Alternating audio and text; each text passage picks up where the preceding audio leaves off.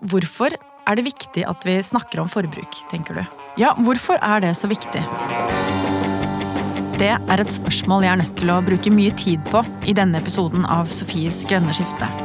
For til nå har jeg snakket med forskere om hvor vi står, om omstillingsevne, olje, om arealbruk og ikke minst hvordan vi forvalter naturen. Felles for alle disse samtalene er at vi alltid kommer inn på forbruk. Og overforbruk. I dag kommer Ulrikke Bryn Vettal til meg for å snakke om nettopp dette. Hun er postdoktor ved Senter for utvikling og miljø, og har bl.a. forsket på bærekraft og forbruk i norske husholdninger. Hva er det med forbruket vårt som er så krise? Hvorfor har vi ikke justert oss tidligere hvis dette er et så stort problem? Og hvordan kan vi endre måten vi forbruker på? Velkommen til Sofies grønne skifte. Altså, forbruk er på mange måter kjernen til mye av det vi ser av klimautslipp i dag, og ressursbruk hva gjelder land, vann, men også menneskelige ressurser, selvsagt. Og spesielt da i den rike delen av verden. Altså alt det som går, alle de tingene som går inn i måten vi lever på, altså hva vi spiser, hva vi har på oss, hvordan vi beveger oss rundt, hva vi velger å bedrive fritiden med. Alt det krever enormt mange prosesser som på mange vis er usynlige for oss forbrukerne. da. Men det bidrar med opp mot 70% av dagens globale klimautslipp. Og nesten 80% av den totale ressursbruken. Så alle disse duppedittene og alle egentlig livsstil, da. Veldig mye av det krever såpass mye at uh, det må egentlig stå helt i kjernen, eller forbruk må stå helt i kjernen av mm. å løse klimaproblematikken ja. og naturkrisa. Hvorfor snakker vi så lite om overforbruk? Sånn som vi beregner klimautslipp i dag, globalt, så handler det om CO2 fra produksjonen. Så Derfor har, det, har liksom linsa hele tiden vært på produksjonen. Vi regner ikke inn forbruket vårt. Det slår forbruket på det vi, eh, alle tingene våre her i Norge, det slår gjerne ut på regnskapet for CO2-utslipp i andre land, altså de som produserer det. Og vi har klart å holde den, den, tanken om at så lenge vi gjør produksjonen vår så effektiv som mulig, så grønn som mulig, sånn at vi kan gå og plukke ut de mest eh, miljøvennlige tingene, så kan forbruket bare fortsette sånn som det egentlig gjør. Og dette kan jo i stor grad knyttes opp mot ideer om grønn vekst, der tanken har vært å kunne koble økonomisk vekst fra utslipp og ressursbruk. Så det er på en måte der vi har fokusert arbeidet de siste vel 50 årene. Og det har dessverre hatt veldig liten effekt på verken forbruk på aggregert nivå. Det har ikke fått ned forbruket. Vi ser at det fortsetter å øke og øke. Og vi har heller ikke fått redusert noe særlig av klimautslippene på den måten. Men samtidig så lever egentlig den teknologioptimismen i beste velgående fremdeles. Mm. Hvis vi bare kunne finne opp noe. Ja. Finne opp et eller annet som gjør at vi kan fortsette akkurat som før. Ja, dette minner meg om et ord jeg nylig har hørt. Tilbakeslagseffekten. Hva er det, Ulrikke? Tilbakeslagseffekten det handler om at man forsøker å effektivisere eller redusere forbruk av, av energi eller ressurser på den ene sida, men så går vinninga opp i spinninga fordi man forbruker i sum like mye eller mer og eksempler kan være Ja, vi kan ta elbilen, da. Mye av elbilpolitikken handlet om å gjøre det enkelt for folk å bytte ut bilene sine. Men så har det kanskje kommet inn som bil nummer to i veldig mange familier. Så har det på en måte økt den totale eh, forbruket av eh, bil som transportmiddel. Så det blir ikke noe mindre behov for veier osv. Men, men det har vært egentlig ment for å effektivisere. Sammen med mye energitiltak. Varmepumpen er jo tenkt for å gjøre energibruken mye, mye mindre. Men så ser man at mange da ender med å bruke mer energi fordi man velger å bruke varmepumpen til å varme opp større deler av huset. Kanskje ha det enda litt varmere enn man hadde før, for det er enklere å bruke. Eller å bruke til kjøling, airconditioning, om, om sommeren, fordi det er innebakt i teknologien. Så da går mye av den effektiviseringsvinninga opp i, i spinninga, totalt sett. Samme under pandemien. Mange trodde at forbruket kom til å reduseres, men så fant vi nye måter å få bruk på. Men vi skulle ha norgesferie. Det krevde masse greier vi ikke hadde fra før av, for vi var ikke vant til å gjøre det på den måten. Så forbruket økte faktisk 13% Og når folk måtte være hjemme hele tiden, så skulle vi jo absolutt alle sammen pusse opp. Så Man ser hele tiden at forbruket finner nye måter å øke på, så lenge systemet er konstruert i den retningen. Men er det mulig å snakke om redusert forbruk uten å bli oppfatta som ja, moraliserende? Ja, det tror jeg nei. Men i motsetning til mye annen politikk så handler dette plutselig om eh, deg og meg, om våre hverdager og hverdagsvalg. Og ingen vil på et vis endre seg, og det er ganske uglesett å drive og fortelle andre mennesker hvordan de skal leve livet sitt. Og det opplever jo vi som forskere hver gang vi uttaler oss om disse tingene som handler om, om hverdagsliv. Mm. Det er ganske harde fronter eh, og grumsete kommentarfelt eh, under våre kronikker. Og så er det også veldig vanskelig å gjøre noe med. Veldig mye av forbruket vårt skjer ikke for forbrukets skyld, men er sosialt betinget, og folk føler seg ganske bundet på hender og føtter, for man lever egentlig liv som krever relativt høyt forbruk. Mye av det utstyret vi har, handler jo om å kanskje delta i ulike typer aktiviteter i livet. Ja. Det handler om å være en god forelder eh, og bidra til at ungen din skal få et aktivt, sosialt og godt liv. Eh, det handler om å være en god vert, fordi mm. da serverer vi det vi tenker gjestene våre vil sette mest pris på og det vi har lært at er på en måte, det, det, aller beste, det er ofte rødt kjøtt i Norge, for eksempel. Mm, mm. Eller vi ønsker å ha en deilig ferie sammen med de vi er mest glad i. Så det, mm. det er på en måte veldig mange eh, Det er veldig mye annet som er med på å styre hvordan vi, hvordan vi lever sånn som vi gjør. Mm. Og veldig mye skjer jo også gjennom rutiner og vaner. Og så er det selvfølgelig det at veldig mye av forbruket vårt skjer fordi det er den enkleste måten å gjøre det på. Altså alt annet som å fikse sine egne ting, mm. eller eh, låne av naboen eller låne av venner, alt det oppleves ofte som mer tungvint. Ja, litt mer stress. Litt mer stress, ja. ja. Enn å liksom klikk, klikk, klikk. Ja. Rett inn på dørmatta. Og så opplever jeg at hvis, hvis du ønsker å leve mer bærekraftig og er bevisst, da, så blir man jo kjapt sett på som en litt sånn ja, alternativ eh, brysom eh, person. Opplever du det også sånn? At det, er, at det, er, sånn? I aller høyeste grad. Ja. Forbruket vårt er en stor del av det som oppfattes er å leve et normalt, godt liv. Det er det vi er kjent med, det er det vi er vant til. Det er på mange måter det vi aspirerer etter. Og også det hele den ideen om det gode liv henger sammen med høy materiell levestandard.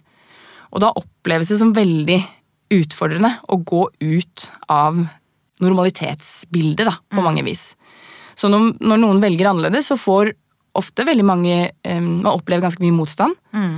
Man opplever at mange rundt får et voldsomt behov for enten å latterliggjøre sånn og det spiller ingen rolle hva du gjør. Tror du at du kan endre verden? Vet hvor mange folk som bor i Kina? Mm. Det, alle de argumentene der eller et veldig behov for å forsvare hvorfor de ikke velger mm. som deg, og hvorfor det er best å gjøre det på, på, den eller den måten.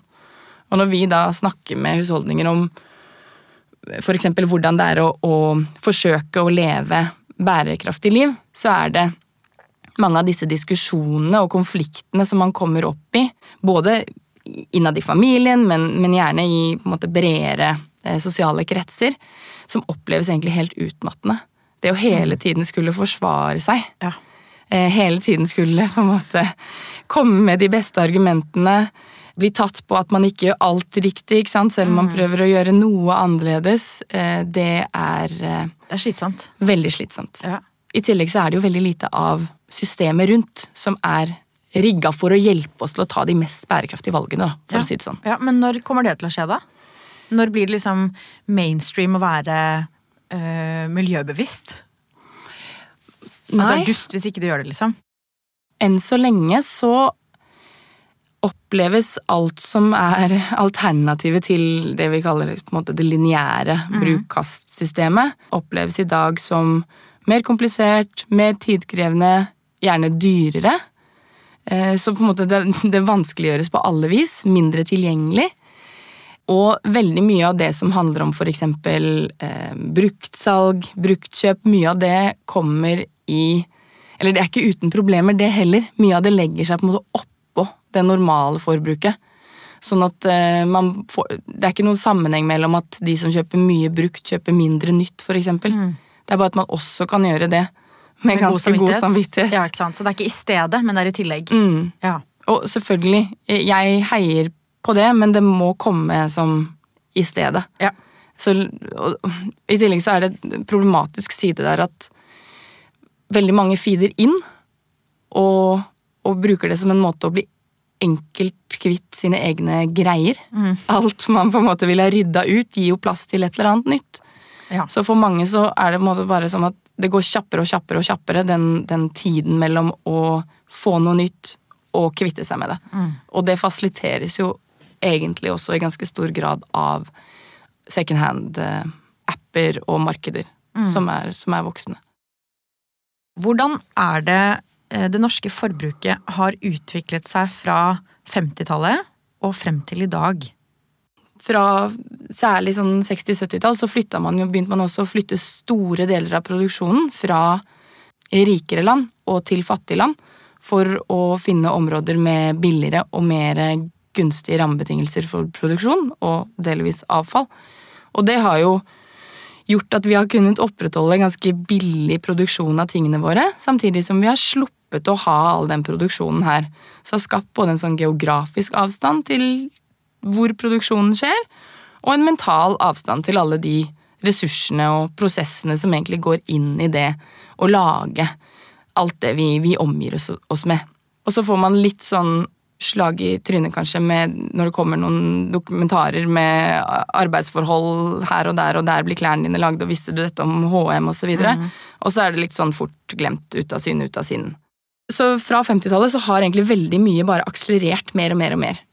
Eh, mye er selvfølgelig også knytta til fremgang. sant? Bedre infrastruktur, bedre systemer, eh, bedre helse, økt hygiene. Vi er mm. friskere. Så veldig mye av det, den økningen i forbruk handler også om dette. Flere, bedre veier. Mm. Mulighet til å bevege oss på andre vis. Eh, teknologi osv. Eh, men selvfølgelig også masse engangsprodukter. Altså produkter som var ment å holde bare veldig, veldig kort. Så kom kredittøkonomien. Da ja. kunne man jo også ja. forbruke uten engang å ha pengene. Man kunne låne penger for å forbruke. Så det er liksom masse sånne prosesser lagt oppå hverandre. Mm. Eh, som har ført til, til, eh, det forbruket vi ser, ser, i dag, da. Og i Norge så er det jo sånn at vi, vi ligger høyt over gjennomsnittet i EU, for eksempel.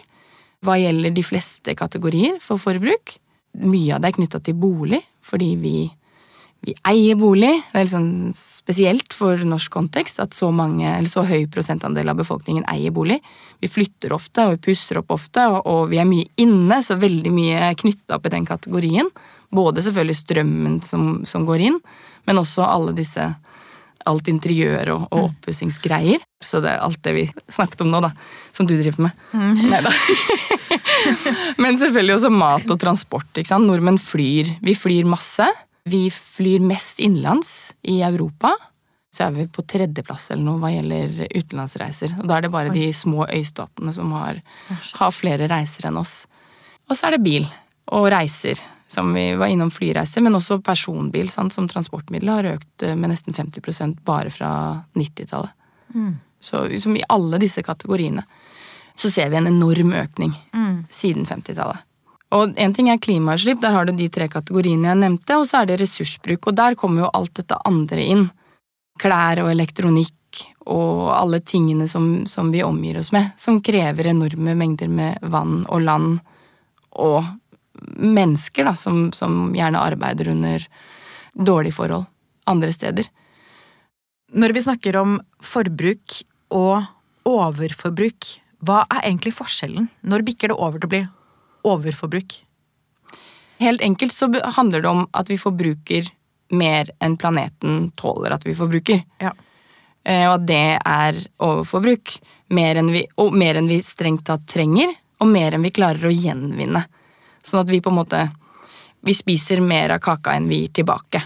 Men vi som forbrukere, vi har ingen parametere for å definere hva som er forbruk versus overforbruk. Man kan jo av og til kjenne på liksom, den dårlige samvittigheten Ja. hvis du er sånn Og nå kjøpte jeg meg dette. Det, det, det vet jeg at jeg absolutt ikke trenger.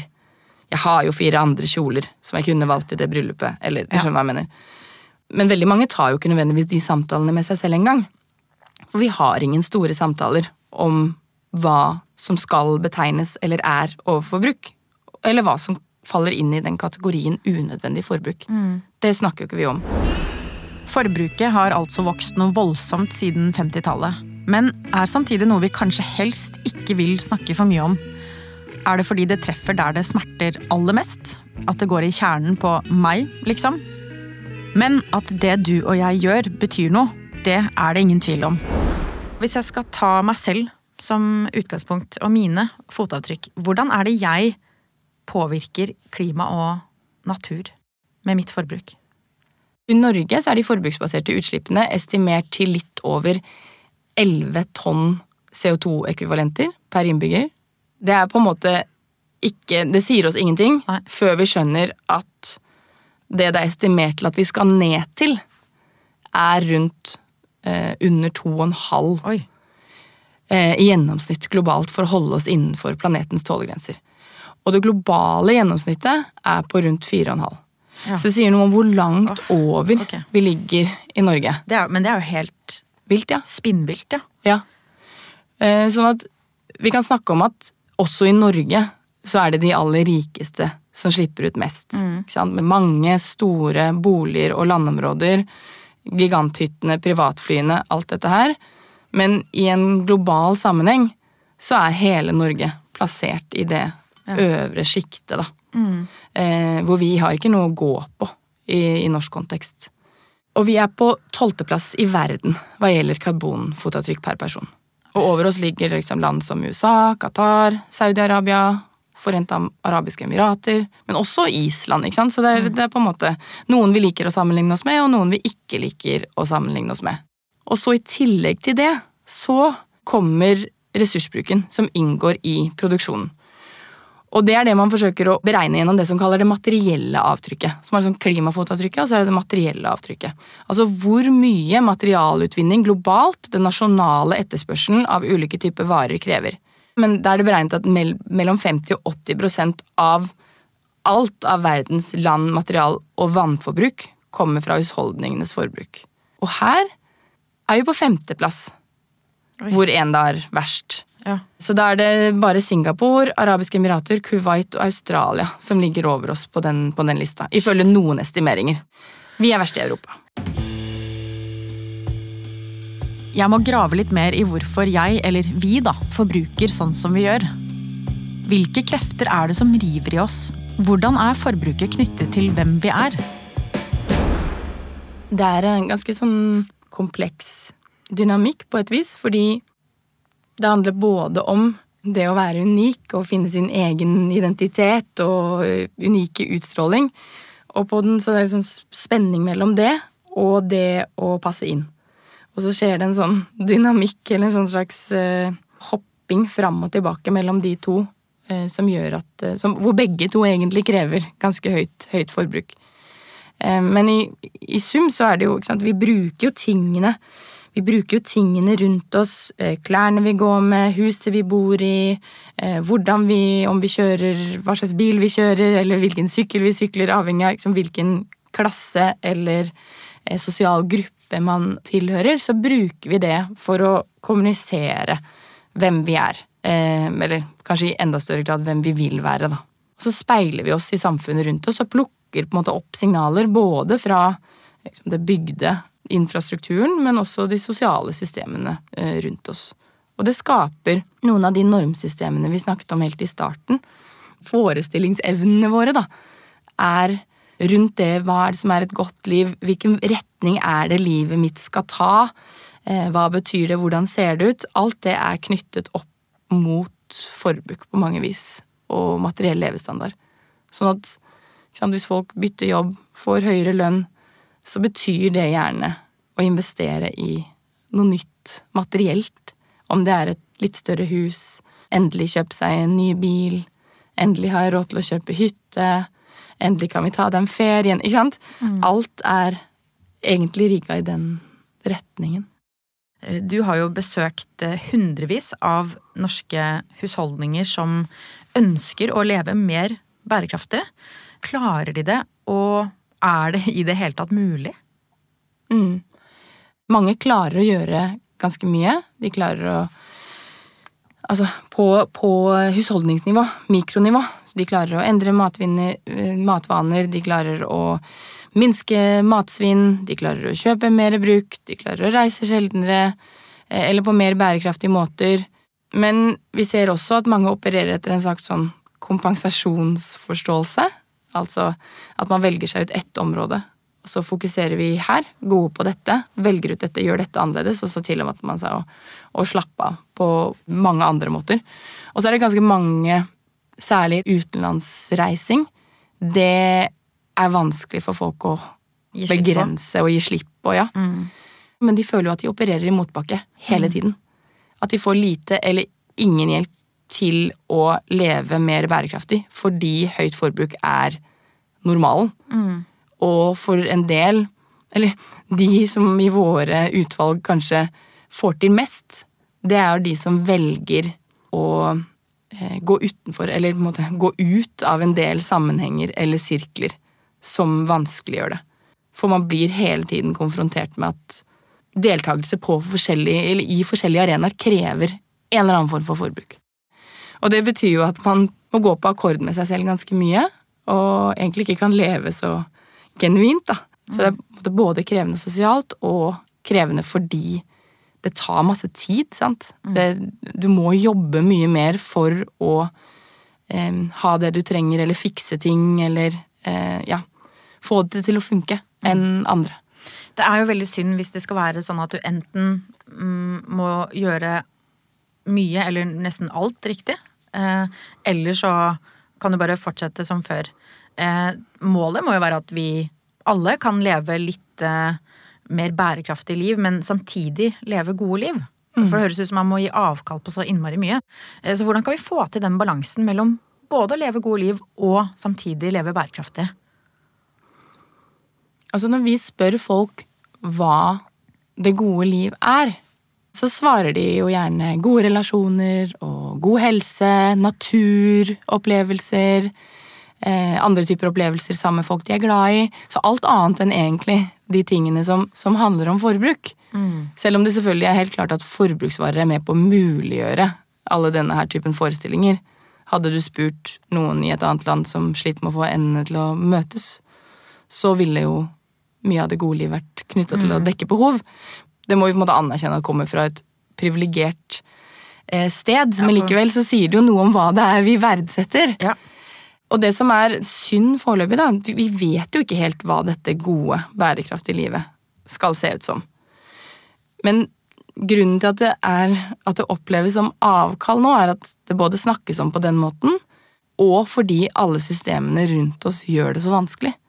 Hadde det vært sånn at det ikke var opp til forbrukeren å velge om man skulle spise mat fra et dyr som hadde hatt det forferdelig, eller et som hadde hatt det eh, godt. Mm. Og hvor det som hadde hatt det forferdelig, var det billigste alternativet og det som var mest tilgjengelig i hele butikken. Mm. Men hvis det på en måte var default-løsningen hele veien, var det beste, eller det mest miljøvennlige, det som var best for natur og klima, så hadde jo ikke det føltes som vi måtte oppgi så mye. Og så kommer svaret på hvorfor vi må snakke om forbruk. Og så er det også den Vi har behandlet forbruk på noe veldig privat. Vi mangler en sånn slags Som samfunn, da. Disse felles forestillingene om hva fremgang, velstand, det gode liv mm. eh, er. Hvordan det kan verdisettes og se ut utover økt materiell levestandard. Og da må vi jo også snakke om det. Så måtte flytte den samtalen om, om forbruk fra den liksom, private sfæren, hvor alle skal være sånn Nei, ikke, ikke bland deg opp i hvordan jeg skal leve mitt liv, og alt handler om frihet og, og egne valg. Men egentlig inn i det offentlige ordskiftet, fordi det gjelder alle. Og vi må mm. lage de, de forestillingene egentlig sammen.